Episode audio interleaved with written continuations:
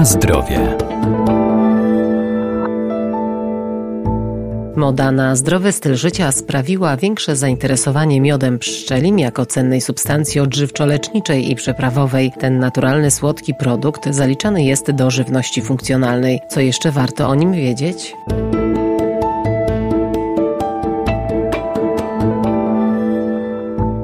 Miód pomaga wzmacniać serce, ożywić mózg i koić nerwy, zawiera duże ilości niezbędnych dla człowieka mikroelementów. To skoncentrowany roztwór cukrów prostych, które stanowią surowiec energetyczny dla naszego organizmu, niezbędny do odżywiania, zawiera substancje bakteriobójcze i kwasy organiczne. A jakie wyróżniamy rodzaje miodu? Jeżeli byśmy chcieli wziąć pochodzenie miodu surowce, to nektarowy nektarowo-spadziowy i spadziowy. A jeżeli chcemy wziąć pochodzenie z konkretnej rośliny, to wtedy mówimy o tak zwanych miodach odmianowych. Doktor habilitowany Krzysztof Olszewski, Uniwersytet Przyrodniczy w Lublinie. Czyli na przykład miód lipowy, miód e, malinowy, miód gryczany. To są takie miody, którego składzie przeważa, znacznie przeważa nektar z tego gatunku rośliny. To nie jest tak, że tam e, nie ma domieszki nektaru z innych roślin, z tym, że dominuje nektar z tego konkretnego gatunku i wtedy miód ma określone tak zwane właściwości organoleptyczne, czyli smak typowy dla miodu gryczanego, zapach, barwę typową dla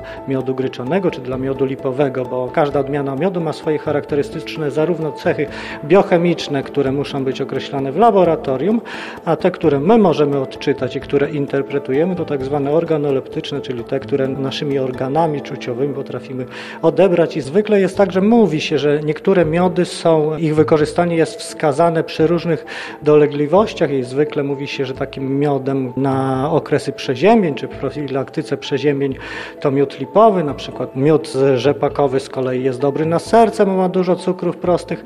Z tym, że moje zdanie jest takie, że może tutaj zbyt zbytnio to interpretujemy, bo w każdym miodzie jest dużo cukrów prostych. Jeżeli nas nie stać na jakiś bardzo drogi miód, na przykład wrzosowy czy spadziowy, to kupmy więcej tego miodu, na przykład wielokwiatowego i sądzę, że działanie będzie zbliżone, a efekt będzie większy, ponieważ wystarczy nam na dłużej.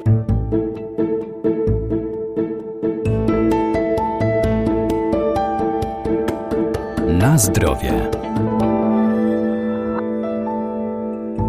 Bo miód to kompleks małych ilości ważnych substancji czynnych polecany w profilaktyce. Najdroższy polski miód to wrzosowy. Jeżeli chodzi o takie jeszcze wyróżniające się miody, co jest poparte badaniami, to taki dość e, wart uwagi jest też miód gryczany, którego jest u nas dużo. Otóż badania wykazały, że pod względem parametrów przypomina on słynny miód manuka pozyskiwany w Nowej Zelandii. On ma takie silne właściwości bakteriostatyczne na przykład, czyli taki zamiennik manuki mamy u siebie w kraju, a jeszcze dużo tańszy przez to. Także tutaj, jeżeli kogoś by interesowały właściwości takie przeciwutleniające, antyoksydacyjne, przeciwwolnorodnikowe, to taki zamiennik, pojęcia, które znaczą to samo, często są używane i właściwości bakteriostatyczne, takie dość wysokie, miód gryczany też jest polecany.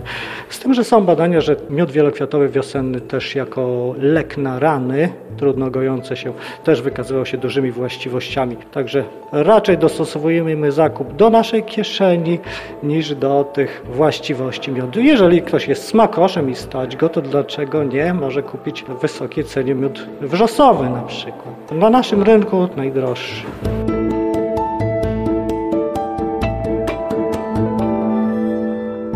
Jest wiele rodzajów miodu, wystarczy wybrać coś dla siebie i włączyć do codziennej diety. Zwłaszcza korzystne jest zastąpienie cukru miodem, co pozytywnie wpłynie na pracę wątroby.